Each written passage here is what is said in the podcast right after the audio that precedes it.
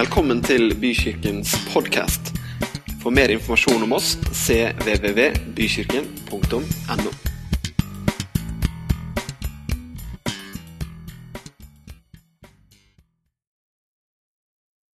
Der var den. Fikk jeg svart bilde. Yes. De har, eh, det var jo ikke sånn som det var planlagt dette her, at jeg skulle snakke i dag. Så det, På torsdag så fikk jeg, eller seint onsdag så fikk jeg spørsmål om jeg kunne si noe her. Og jeg tenkte nei, det kan jeg ikke. Jeg er på konferanse i dag, så jeg kan ikke si noe på søndag. Eh, og så tenkte jeg ja, nei, uff, jeg kan ikke gjøre det. Det er slitsomt, og skal du forberede det? Og så snakka jeg med Bent Ove på torsdag, og så sier jeg at hvis jeg skal si noe, så må det bare være hva jeg er opptatt av om dagen. Jeg er jo ingen predikant eller teolog, så jeg tenkte at det, det kan jeg. Det er det jeg får komme med. Så sier Bent Ove ja, men kjør på, Einar. Det kan du gjøre. Det er bra. Så her er jeg da, eh, og skal snakke litt eh, om hva jeg er opptatt av om dagen. For det, det er jo, man er jo opptatt. Det er vel alle. Er det noen som har hatt en bra uke? Ja? Hva har dere drevet med denne uka? her? Hva har dere vært opptatt av? Stian, hvor har du vært opptatt av denne uka? Vært i Polen. Ja. Noen som har vært lenger enn Polen? Horten, ja.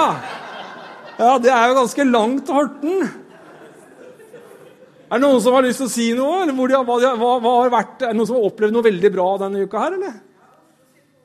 Oslo Symposium, det var bra. Ja. Andre ting?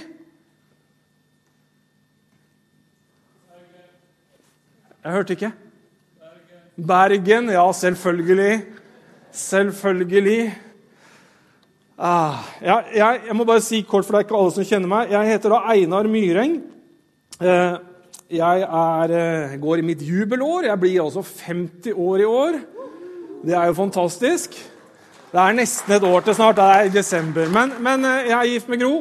Vi har vært gift i 29 år. Vi har fire barn i alderen 18 til 26 nå som fortløpende.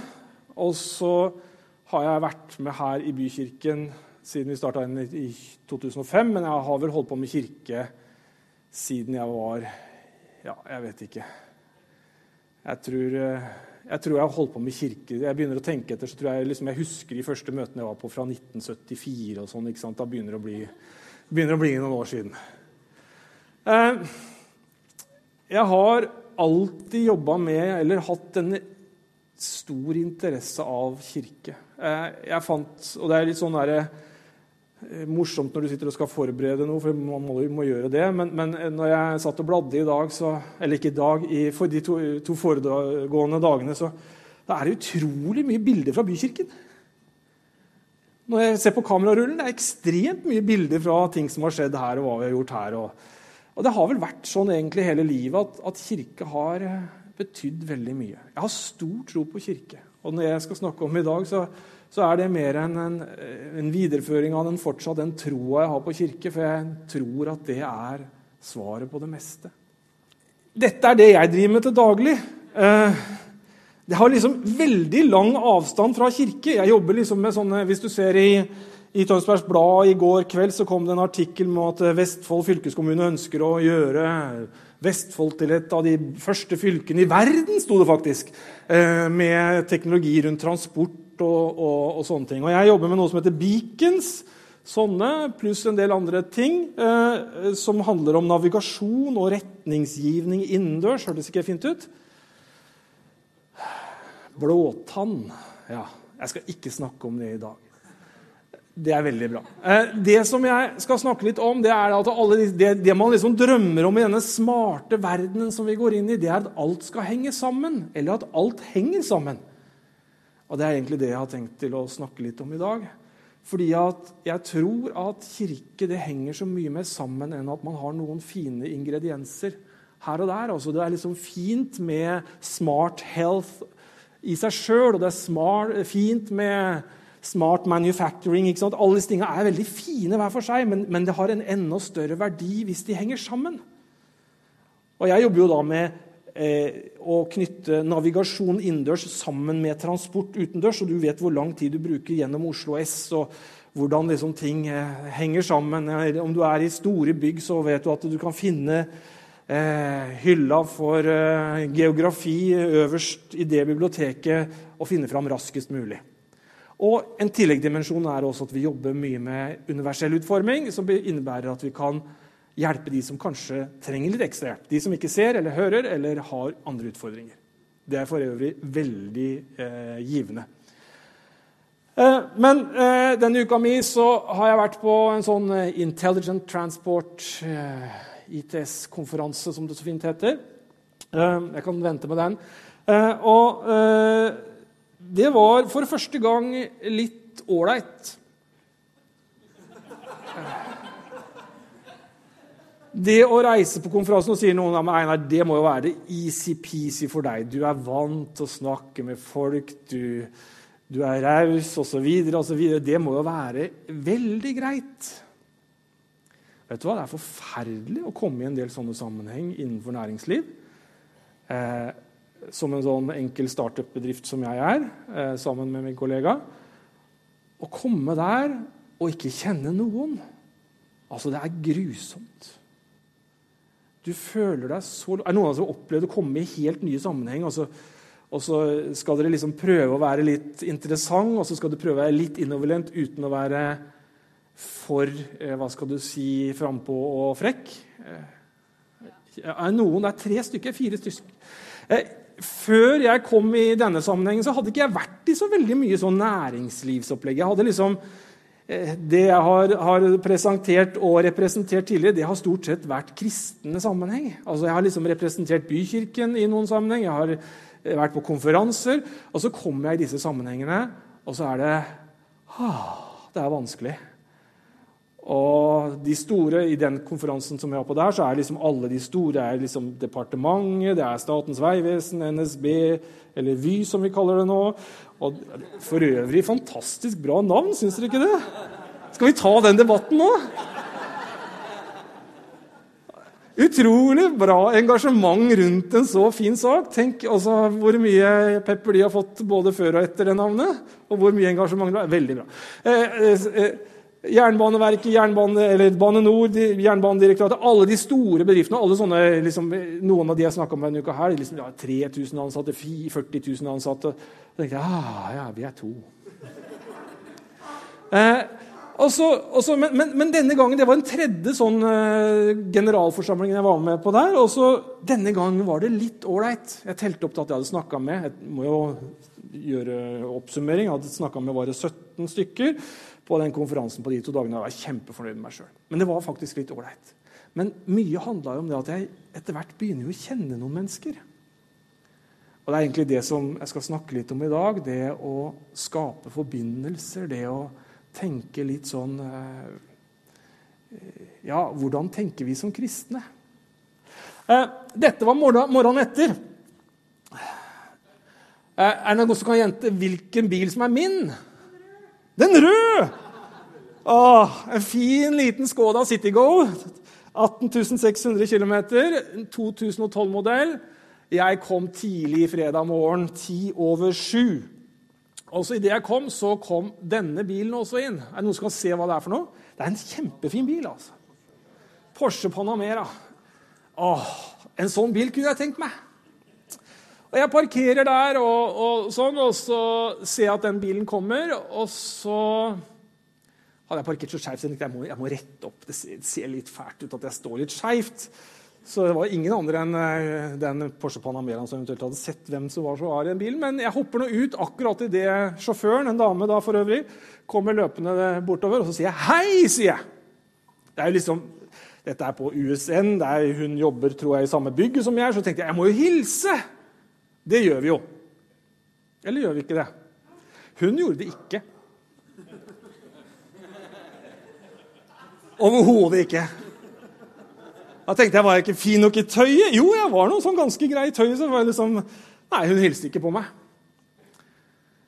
Eh, dag, to dager før, når jeg kom på Radisson i Nydalen, så hadde jeg frakk og dress og så fin ut. Og så Skulle sjekke inn, og så sier hun at du, jeg oppgraderer deg. Og jeg tenkte oi, ja, det har jeg vel aldri blitt gjort før. på. Liksom. Oppgradert. Ja, du får business classroom for vår regning. Og jeg tenkte yes, det var kult. Og så bare har det slått meg de siste dagene at ja, men hvordan jeg så ut, hadde tydeligvis mer betydning når jeg kom på Nydalen, og de kunne ikke si at jeg kjørte Skoda City Go. Mens hun så jo hva jeg kjørte, og hun ville ikke hilse på meg. Så slår det meg som kristne. Altså, hvordan møter vi mennesker når de kommer her?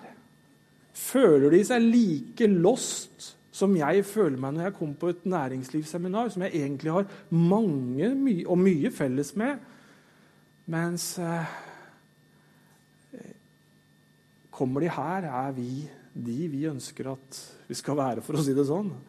Eh, hva slags avstand har vi? Må vi ha fine klær for å komme? Her, her, jeg tror egentlig at vi er ganske greie her. altså. Eh, og her sånn, lager, lager, jeg sånne fine Det var så gøy med animasjon. Men jeg synes avstanden var liksom Kunne det bli lengre borte fra? Kunne vi liksom plassere oss lengre fra hverandre? Gjør vi det? I vårt daglige liv plasserer vi oss langt unna hverandre. Hva er vi opptatt av? Og så, sånne I Porsche Panamera de parkerer gjerne på halvannen parkeringsplass. Altså, folk som har fine biler, alltid halvannen parkeringsplass. Midt på den linja mellom så det er stor, så de ikke får dørene fra en annen bil inni seg. Jeg skjønner det jo, men samtidig så Hvorfor? Så jeg tenker litt på hva brenner vi for privat? Hva brenner vi for i forhold til fritid, venner, jobb, familie, kirke? Det er det jeg egentlig går og tenker på. Hva slags distanse har vi til de ulike tinga? Hva er nærme oss? Hva betyr mye for oss? Jeg håper jo at, at eh, familien din eh, er viktig for deg. Og dette er ikke, Når jeg skal snakke om det jeg gjør da, så snakker jeg ikke om det for å si, sette det opp mot hverandre. For alle disse tingene her er kjempeviktige. Men det har blitt så tydelig for meg at eh, veldig mye av disse tingene henger faktisk sammen. Vi har bygd om i T13. Det ble ikke helt sånn som vi tenkte for eh, litt over et år siden nå. En uke over et år siden så, så hadde vi et møte, og så ble det ting veldig annerledes enn hva vi hadde tenkt. Vi hadde tenkt å flytte kirke over til 313. Men vi bestemte noe annet, og så ble det Møbelringen. Og så er vi der vi er i dag, med en fantastisk fin butikk. De har hatt en flott åpningsuke, masse mennesker, veldig bra. Eh, men i den byggeperioden da, har det, vært, eh, det har jo vært ganske spennende, eh, som jeg har holdt på med disse ulike aktørene. Og så sier han ene der, som er byggeleder, for at vi har hatt en liten diskusjon om man skal ha svart tak, og om alt skal være svart i taket. Og som vi sier, da, da må, blir det mye svartmaling, og maleren maler svart. Jeg ler litt nå, da. Eh, eh, og det endte med at ikke alt ble svart i det ene taket. Og så sier byggelederen til meg, Einar eh, det er ingen som går og ser opp i det taket. Og Mange vet at det taket her er mørkeblått. Har du, har du registrert det noen gang? Ja, noen av dere har gjort det, for de har sett det i fullt lys, men de fleste av dere har aldri registrert at det er mørkblått tak her. På samme måte der inne så sier han at det er jo ingen som ser opp der, Einar. Jo, sier jeg. Vi som er himmelvendt, vi ser opp der. Å, kikke på meg. Himmelvendt. Ja, det gjør kanskje det, da. Og så har vi en sånn en av de siste befaringene vi har sammen, og så hører jeg han si det at ja, nei, disse svarte taka sier han til en av de var elektrikeren eller en av de andre sier han, ja, nei, ingen ser opp utenom Einar, da, for han er jo himmelvendt. Og så tenker jeg det at vi, vi innimellom også Man kunne jo vært veldig profesjonell, for å si sånn profesjonell, profesjonell. Og jeg tror noen ganger at vi kristne er superproffe på vår tilnærming til andre mennesker. Altså, vi skiller altså, Jeg skal ikke komme her og si noe om Gud eller gjøre noe. Altså, jeg er det her i denne rollen. Så tenker jeg at kanskje vi skal løsne litt på den avstanden vi har. Og parkere ikke midt på. For vi har jo det beste også. Vi er Porscha på mange måter. sånn Vi opplever det. Altså, vi parkerer mellom to parkeringsplasser. Så vi har stor armvidde. Og så greier vi liksom å holde en god profesjonell avstand med det vi driver med. Altså, du kommer jo Noen ganger på noen av de nye parkeringshusene så skulle man jo hatt Skoda Citygo i alle, for den er så liten. Jeg drev øvelseskjørte med min yngste datter i går. Eh, og da erfarte jeg at alle parkeringsplasser var liksom veldig god plass på begge sider. Uansett hvor skeivt vi kom inn, så var det i grunnen ganske grei plass. Noen ganger så burde det være litt sånn som i nye parkeringshus når du kommer med vanlig bil. For der er det litt trangt. Også du må liksom litt borti. Så det er ingen som kan med hånda på hjertet si at de aldri har vært inni en annen bil ved siden av. Nå snakker jeg ikke om å smelle opp og lage bulk, men at du så vidt liksom lirker døra opp så han kommer inntil, sånn at du greier å krype ut. Men vi burde være nærere vanlige folk, folkens. Altså. Vi må ikke ha den avstanden som den derre Porsche Panameraen har. Liksom, langt unna. Ingen kommer i nærheten som kan lage en bulk eller en ripe. Vi er så opptatt av å se bra ut at det ikke blir riper i lakken vår. I en samtale her en dag så sier jeg at ja, det å være en kristen handler for meg om å erkjenne at jeg strekker ikke til. Er ikke dere kristne mye bedre enn de andre, da? Jo, i en del sammenheng så har nok veldig mange uttrykt at vi er litt bedre. Vi har liksom peil. Vi har skjønt veldig mye mer enn det du har. Hvordan er det å møte folk? Eh, jeg var i en eh, Jeg bare eh, Jeg var på et universitet her for et par år siden. Og for det, Noen av dere har hørt historien før, så det må dere, bare unnskylde. Men vi, Lars Cyril og jeg, min kollega og jeg, vi skulle møte en kar. Han var professor. Noen av dere som har møtt noen professorer noen gang? Ja, noen av dere som Det er veldig hyggelige folk. Men eh, de er veldig ofte opptatt av titler. Og da har vi det sånn at eh, ofte så man, går man en runde. Hvem er vi, hva driver vi med, osv. Og, så og vi var, var oss tre, da. Jeg sier at ja, Einar Myreng bor på Nøtterøy, eh, er adjunkt opprinnelig. Tok et uh, skarve IKT grunnfag. Det er liksom det mest tekniske alibi jeg har. Det er det IKT-grunnfaget. Jeg er veldig glad for at jeg tok det. Eh, skjønner ikke hvorfor jeg gjorde det, men jeg gjorde nå det første, første år, eller liksom fjerde året av lærerutdanninga ble førsteåret mitt. Så sier jeg har det. Ja, det er ikke så veldig interessant, tydeligvis, foran denne professoren. Eh, og så kommer Lars Cyril og så sier han, ja, nei, han hadde bakgrunn innenfor forskning. da hadde en doktorgrad innenfor nanomikroteknologi. Og så skjønner jeg at Einar, nå kan du egentlig bare gå. Det er liksom ingen altså, han, En hel dag satt jeg der på sidelinja og hørte på de to. Nå karikerer jeg det veldig. Det skjønner dere. Men, men, men, poenget mitt er at vi noen ganger velger ut hvem vi vil snakke med. Og Jeg har også jobba litt med Forskningsrådet og holdt noen kurser der. og Der er de veldig opptatt av det på batches. altså alle du får sånne, På konferanser får du sånne fine lapper. enten så får De moderne der er de sånn snor rundt halsen, og så får du en sånn fin en. Og så har de trykk på begge sider, sånn at uansett om det snus, så, så syns det hvem du er. Eh, og Så hadde jeg kurs med dem, og så sier jeg det du, For det var snakk om å trykke ut sånne batches på hustrykkeriet deres. Så sier jeg men vi kutter ut tittel, er ikke så nøye. Og de kikker på meg. Tittel? Er ikke det nøye? Jo, det må vi ha med. Og Poenget mitt er at de ser etter på en konferanse hvem som har den rette tittelen, hvis de skal gidde å snakke med deg. Og jeg i min enfoldighet syns det er helt banalt. Jeg skjønner det i praksis fordi at du treffer 130-40 stykker i en konferanse, og at det er noen som er mer viktig å få knytta en kontakt med. Akkurat som jeg gjorde nå på onsdag og torsdag. Så er jeg litt mer selektiv på hvem, hvem er det viktig å treffe. Men i vår daglige sammenheng så tenker jeg at ja Er vi nøye på hvem vi snakker med? Er det et kriterium for å snakke med noen? Jeg tror ikke det skal være sånn. Så jeg tror at alle disse tingene her er kjempeviktige. Og så tror jeg det at en kirke må være et sted hvor vi har rom for alle disse tinga. Så jeg må kunne ta med meg jobben inn i kirka og kunne dele. Altså, det må ikke være sånn at Å nei, Stian må for all del ikke fortelle at han har vært i Krakow, for det er jo jobben. Det skal han jo ikke snakke om her. Han skal snakke om sine åndelige opplevelser med Gud siste uka. Folkens, Vi lever hele liv.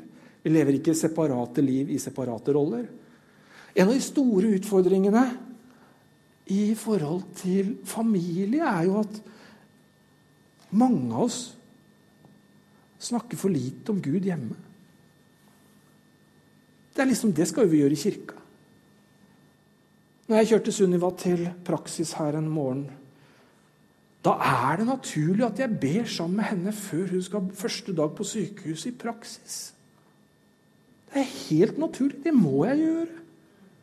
Altså, det, jeg skal jo dele tro i ulike livssituasjoner med henne. Da ber vi. Og det er ikke en lang og fantastisk bønn, for jeg er ikke så flink med de fine teologiske uttrykkene. Altså, men, men, vi ber jo da, i all enkelhet. Så tenker jeg det er viktig i familien vår.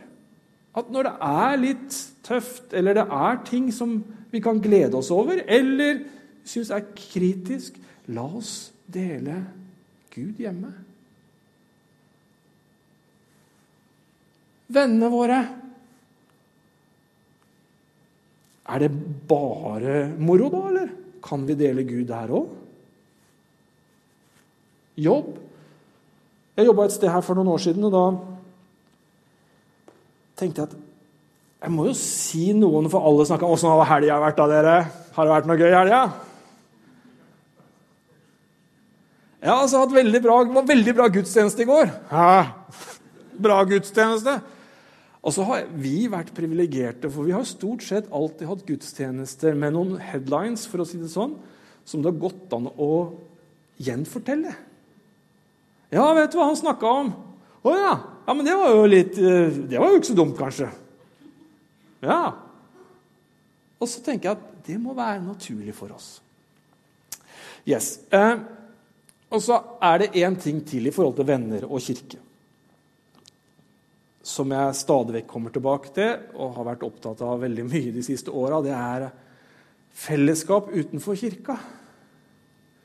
Og der tror jeg vi Jeg sier vi, ikke dere. Jeg sier vi. Har mye å øve på. For jeg tror at kirke er så mye enn bare søndagene og life-gruppe. Jeg håper du er med på det. Og kanskje et møtepunkt ellers kanskje et møtepunkt. Jeg sier kanskje. Life er hver 14. dag, sånn som vi har det nå. Men det å ha fellesskap og være venner Vi må erkjenne at kirke handler mye mer enn om disse 90 minuttene vi har her på søndagene.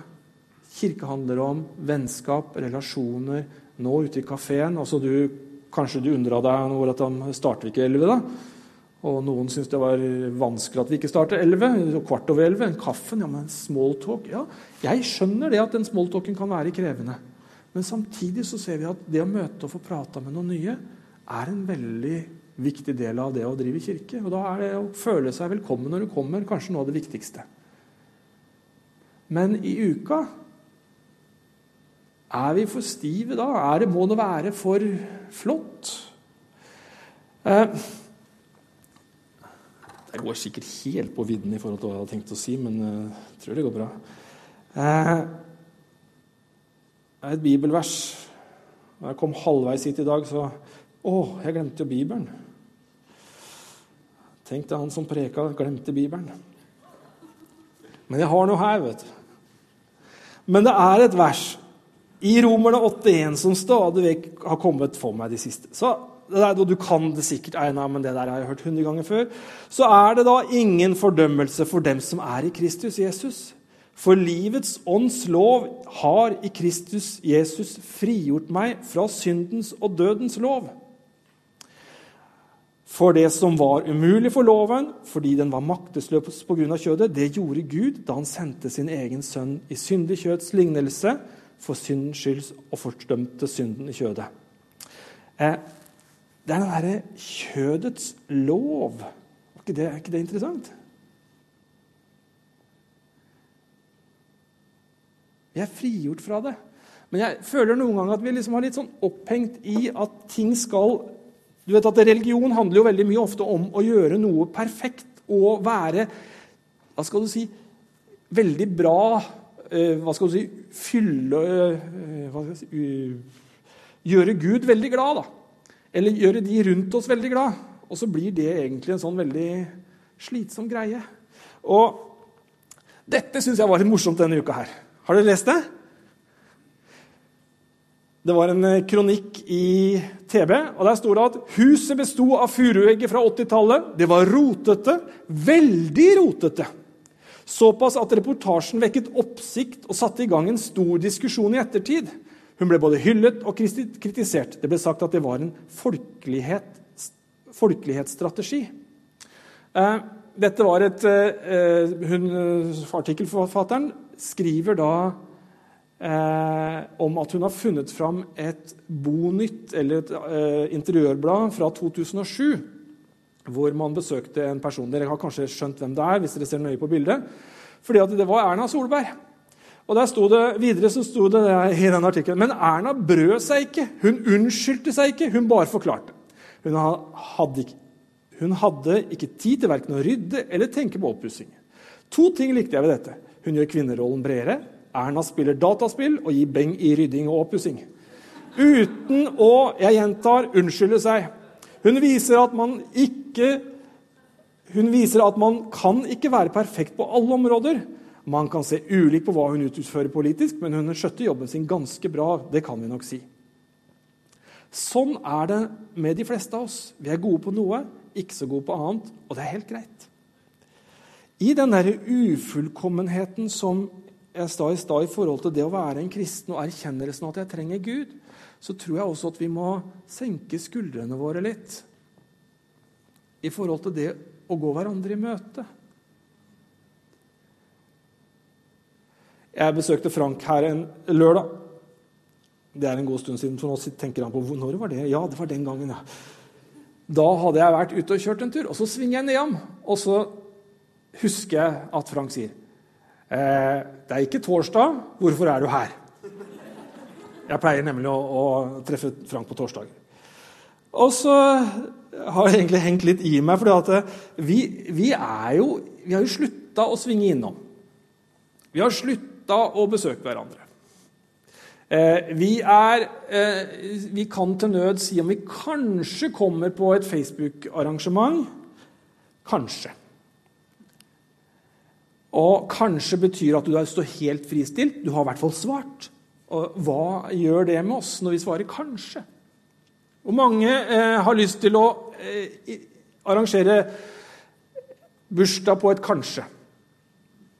Altså, Dette er en kjempeproblemstilling blant de yngre gardene hos oss. Altså, Den kanskje skaper så mye problemer. Og det skaper også mye problemer hos oss voksne. Vi er så redd for å binde oss, for det kan jo hende det kommer noe bedre. Tenk på det. Og Noen har begynt å ta et oppgjør med det, bla, bla, bla, og det er veldig bra. Men jeg tenker at vår kultur må ikke være kanskje. Vår kultur må si at 'jeg kommer', eller 'jeg har ikke mulighet'. Eller at jeg faktisk kan komme uten å ha måttet svart ja på et Facebook-arrangement. Søstera mi syns det er litt rart innimellom. Fordi at jeg har hatt en sånn greie hvor jeg svinger innom. Alle i familien min vet om mine svinger innom. Det betyr kanskje kvarter 20 minutter, en halv kopp kaffe og en klem. Og så sier noen at det kunne vært litt lengre. Ja, det kunne vært litt lengre. Men jeg syns det er bedre i en travel hverdag å ha svingt innom og sagt hei. Jeg ser deg. Det er hyggelig. Jeg setter pris på deg. Jeg vet at det er travelt. Enn å bare svare kanskje på et Facebook-arrangement som eh, er tre uker fram i tid. Som kirke så tenker jeg vi må utvikle en kultur hvor vi sier hei. Kommer innom. Jeg ble minna om deg. Hvis du blir minna om noen, hva er det for noe? Hvis du føler at 'jeg burde vært der', eller 'jeg burde ringt dit', gjør du det da? Vi har alle ukesopplevelser hvor vi kjenner at 'å, nå hvorfor, hvorfor tenker jeg sånn på han eller på henne? Kanskje Gud ønsker å minne deg om at du er den som skulle tatt kontakt og gitt et oppmuntrende ord. Altså, Jeg ringer jo ikke og stikker innom folk for å skjelle dem ut. Altså, Intensjonen er jo liksom ikke å skape en dårlig atmosfære ved å svinge innom. Det er jo ikke det som er greia. Greia er jo faktisk at jeg ønsker å, å være til oppmuntring. Det er jo det som er altså, Det er jo ingenting som gleder mer enn å se andre mennesker som blir glade og oppmuntra. Det er jo mye mer verdt enn om du har gjort fire salg, for å si det sånn, ei uke. Jeg skulle gjerne ønske jeg hadde gjort fire salg ei uke. altså. Men, men skjønner hva jeg mener? Altså Det å, å, svinge innom, det å ha en kultur hvor vi tar kontakt med hverandre, oppmuntre hverandre og si du, 'Jeg opplever bare at jeg skulle ringe deg.' En kompis ringte meg en dag og sa du, jeg, 'Det er ingenting, altså. Jeg bare ringer. jeg. Skal vi spise sammen?' Og jeg blir så glad over at noen bare uten å ha en agenda kommer innom eller har lyst til å være sammen med meg. Ja, men nei, Du har vel masse venner? Vet du hva? Jeg tror de fleste av oss kan si at hver eneste fredag og lørdag som vi tror at alle er sammen med noen andre og har gode relasjoner og har god mat, sitter hjemme i sofaen og lurer på åh, det var denne helga også. Jeg tror det. Erna hun var ikke så opptatt av oppussing.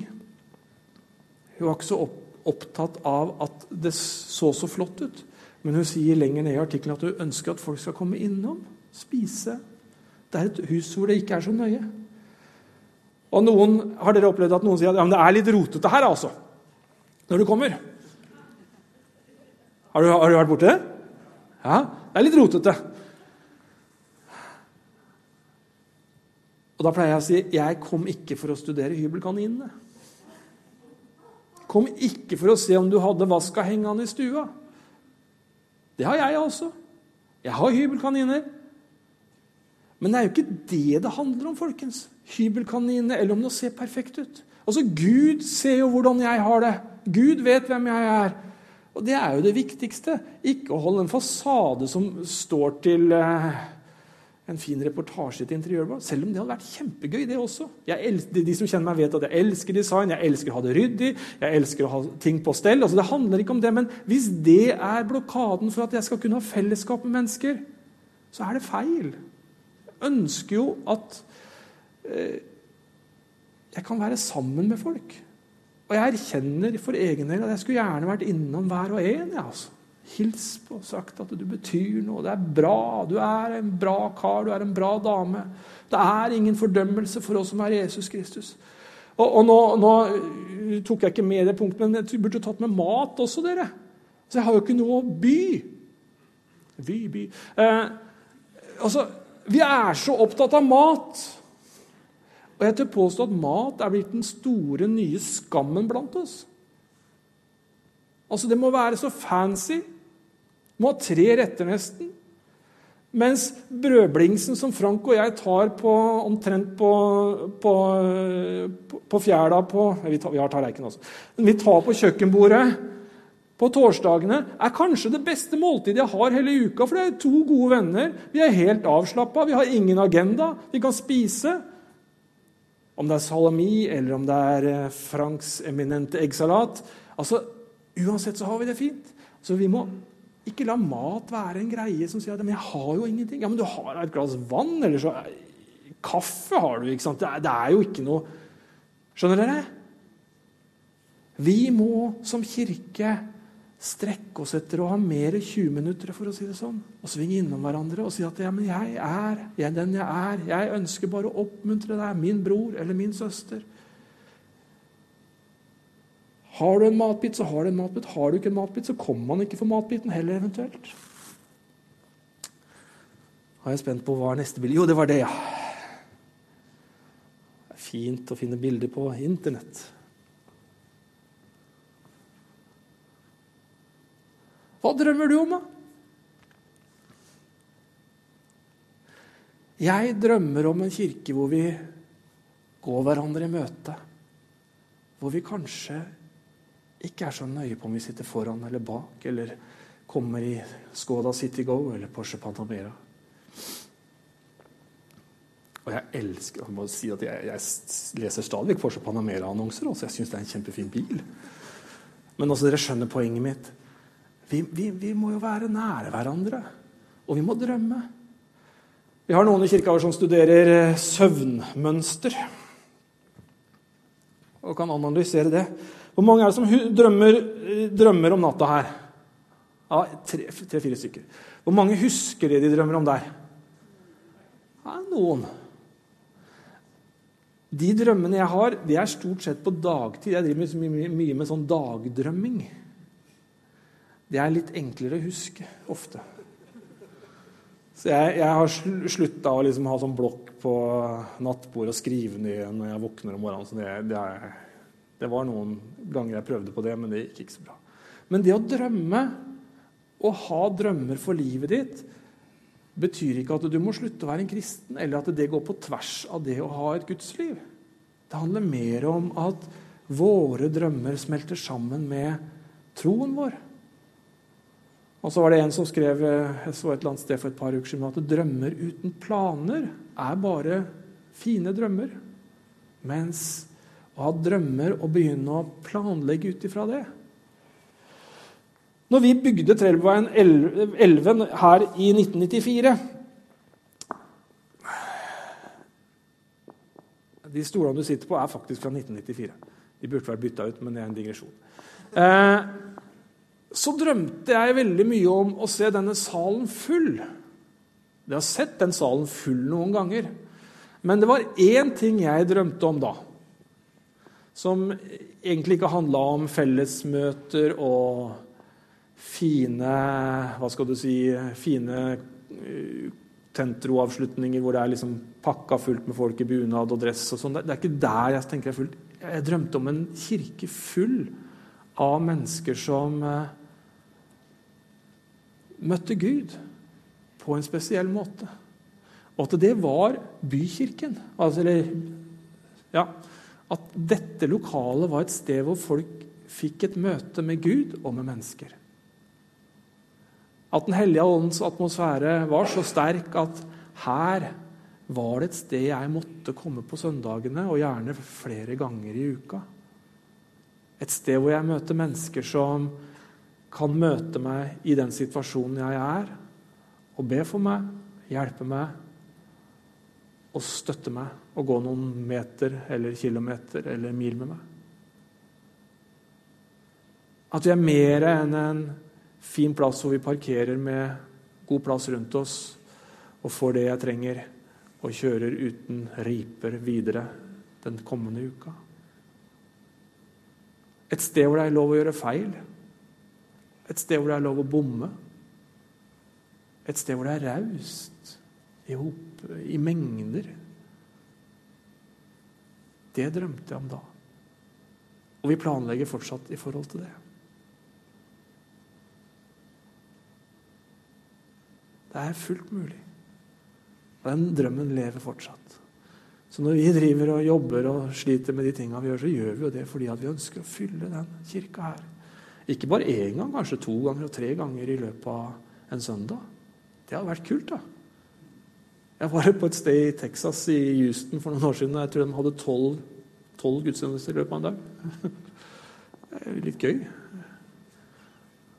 liksom, Du var ikke før kommet ut før den neste. Da var det spansk gudstjeneste. Eller gudstjeneste på spansk. da.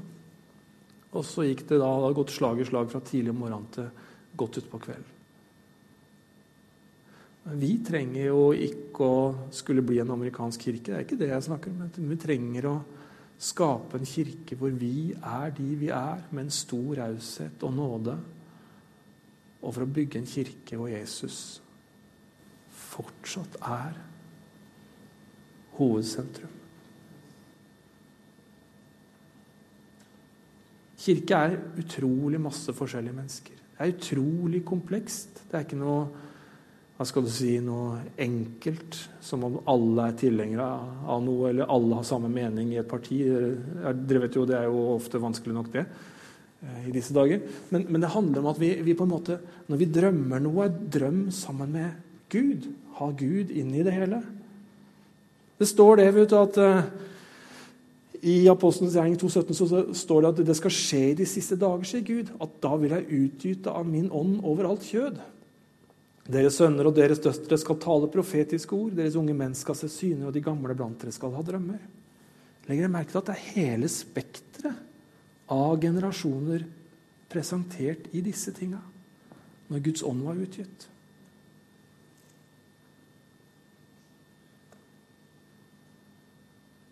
Vi må ha plass og rom til alle. Alle generasjoner. Jeg kommer litt inn på det på slutten. Ja, Det var sånn artig effekt. Eh, så jeg tenker, hvor skal vi, da?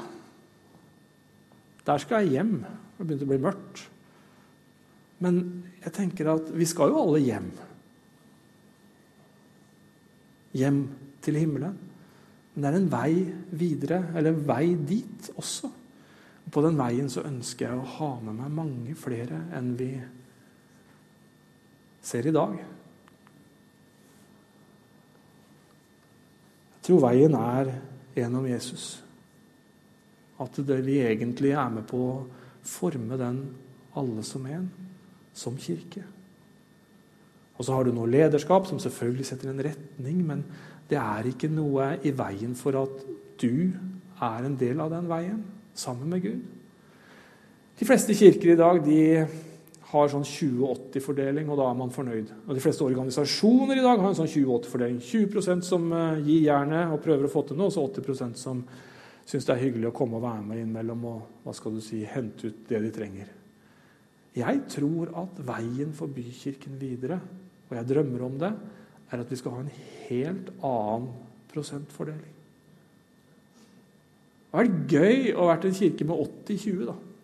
De som var 20% det var de som hadde mer enn nok med andre ting i livet, men at de andre 80 var en kirke som sa at ja, men jeg ønsker å bygge kirke. Hvor kan jeg ta plass? Hva skal jeg gjøre? At ikke det handler om å stå på plattforma, at det er liksom det gjeveste i verden. Så jeg vil heller være en som får lov til å be med noen til frelse i det daglige, og fylle på der, enn å måtte stå på plattform. For det er skikkelig stressende. Hel helg går jo og tenker på hva skal jeg si, og blir det riktig. Og helt fram til det siste jeg var så glad for at jeg hadde iPhone, for da kunne jeg forandre rekkefølgen på disse bildene på iPhone. og måtte ikke ha opp Mac-en. Liksom, det stresset der, det er, ikke, det ikke det som er gjevt, dere. Det som er gjevt, er jo om vi kan bygge en kirke som det høres om, som er kjent i byen vår, for at der er det romslighet å komme akkurat sånn som jeg er. En kirke som har Jesus som sentrum. Han er veien, sannheten og livet. Og noen har problemer Jeg jobba med ei dame en gang, og hun hadde fått sønnen sin i et ungdomsarbeid i en kirke her i området. og så, så ja, Hun hadde problemer med det. Han hadde blitt med en kompis, og det var slitsomt. Det at han hadde begynt i et kristent ungdomsarbeid. Og så kunne jeg ikke dy meg, så sier jeg kristent ungdomsarbeid, ja. ja. Er det det at det ikke er så mye alkohol der som er problemet, sier jeg. Nei, nei, det var veldig bra, for han, han var jo bare tolv år. eller noe sånt. Nei, nei, det var, var, veldig bra at de ikke alkohol. Er det det at, de, de, de, at det ikke er noe særlig narkotika? Ja, er du gæren! Selvfølgelig, det må ikke narkotika. Det er jo livsfarlig. Ja, men det, det skjønner jeg. ja. Er det det at eh, de, det er ikke så mange som røyker her, da? Ja, nei, Det også var fint da, at det ikke var så mye røyking, for det, var jo dårlig for helsa. Er det det at de er snille med hverandre stort sett? da? Nei, selvfølgelig er det bra. Det er en kjempeverdi. Så sier jeg, er det Jesus som er utfordringen din? Ja. Hun hadde nok ikke så god erfaring med Jesus. Og kanskje med rette. Det møtet hun har hatt, kan ha vært kristne som reflekterer Jesus som en som står med pekefingeren, og som vil at du skal være sånn og sånn, og som innfører en spesiell klesstil. Det er ikke så veldig lenge siden folkens, at vi måtte gå med noe på huet og ikke sminke oss og komme skjørt. og og så, Vi ler litt av det, vi skjønner jo ikke at det var sånn, men det er vi snakker om eh, kanskje bare 30 år tilbake, 40 år tilbake. Det er ikke så veldig lenge i det store perspektivet. Men det var liksom en sånn greie at hun hadde nok hatt noen møter med folk som var kristne, som ikke var så veldig ålreit, kanskje. Og jeg snakker ikke om at vi skal slutte med å si at du trenger å vende om, at vi trenger å få nye liv, at Gud kan gjøre noe i livet ditt, og du trenger å bli frelst. Det er ikke det jeg snakker om. Jeg snakker om måten vi presenterer det på, måten vi er på. Altså, folk, Hvis Jesus hadde vært, selv om han sa de riktige tinga, vært en veldig eh, holdt på å si, så radikal som han var, ikke fylt av kjærlighet, så hadde jo ikke troppa opp tusenvis av mennesker ute i ørkenen og sagt liksom, dette vil vi høre på. Har du tenkt på det? Det må jo ha vært noe med Jesus dere, som var mye mer enn det radikale budskapet. Det må jo ha vært en atmosfære, en kraft, en greie rundt Jesus som Dette må jeg få med meg. Tenk når gudstjenestene våre er en sånn greie som at dette kan jeg bare ikke gå glipp av. En søndag i bykirken. Det må jeg være med på. Kuleramme tror jeg mange kristne har et veldig dårlig forhold til. Eller kanskje et godt. Jeg vet ikke. Men jeg tror mange har gjort Gud litt sånn til Nå trykte jeg for langt ut. Ja. Har et sånt forhold til Gud at han er en sånn som sitter i himmelen, og så teller han opp. Nå har Karin bedt fire ganger i dag, ja.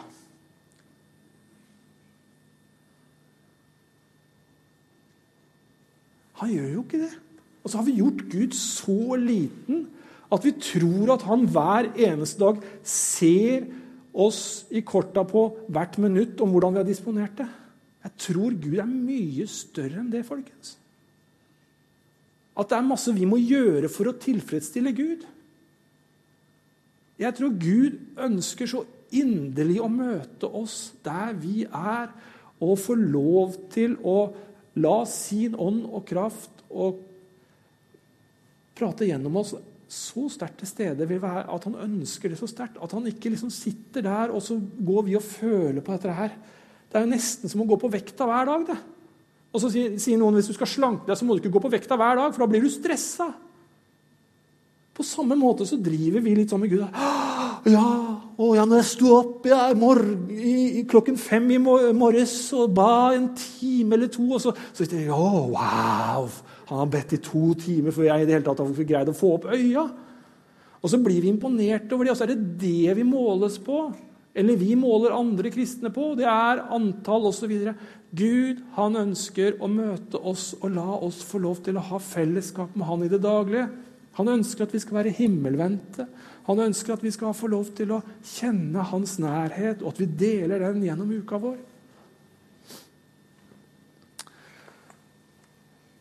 Vi trenger Hans nåde hver dag, men vi trenger også å dele Hans nåde hver dag. La den nåden være noe vi deler, og la møtet med oss som kristne være noe som er bra. Noe som folk tenker at ja, men dette var annerledes. Og skal vi dele Jesus, så må vi også være sammen mennesker. Da må vi kanskje svinge minnet om mer enn 20 minutter. Men det, dere skjønner poenget. Yes. Da skal vi reise oss, så skal vi be sammen. Jeg begynte med å si at så er det da ingen fordømmelse for den som er i Kristus Jesus. Og jeg sier det igjen, dette er ikke sagt for å fordømme noen. Dette er sagt for å løfte oss som kirke. Vi har alle ulike lengder godt, men Gud han ønsker å møte oss her i dag. La oss begynne å drømme. La oss inkludere Gud i den drømmen vi har for det å bygge kirke. For jeg tror at vi har fantastiske muligheter. Herre, takk for at du ser hver og en av oss her i formiddag. Herre, takk for at du rører ved oss ved din ånd nå. La din ånd få lov til å berøre oss. La oss få lov til å være opptatt av å kjenne at du er nær. Herre, la oss være fylt av din kraft. Herre, du ser kirka vår. La oss få lov til å bygge den sammen som ditt folk. Takk, Herre, for at du har satt oss i denne tida. Takk for at du har en tanke og en plan som vi kan knytte oss og være påkobla, Herre.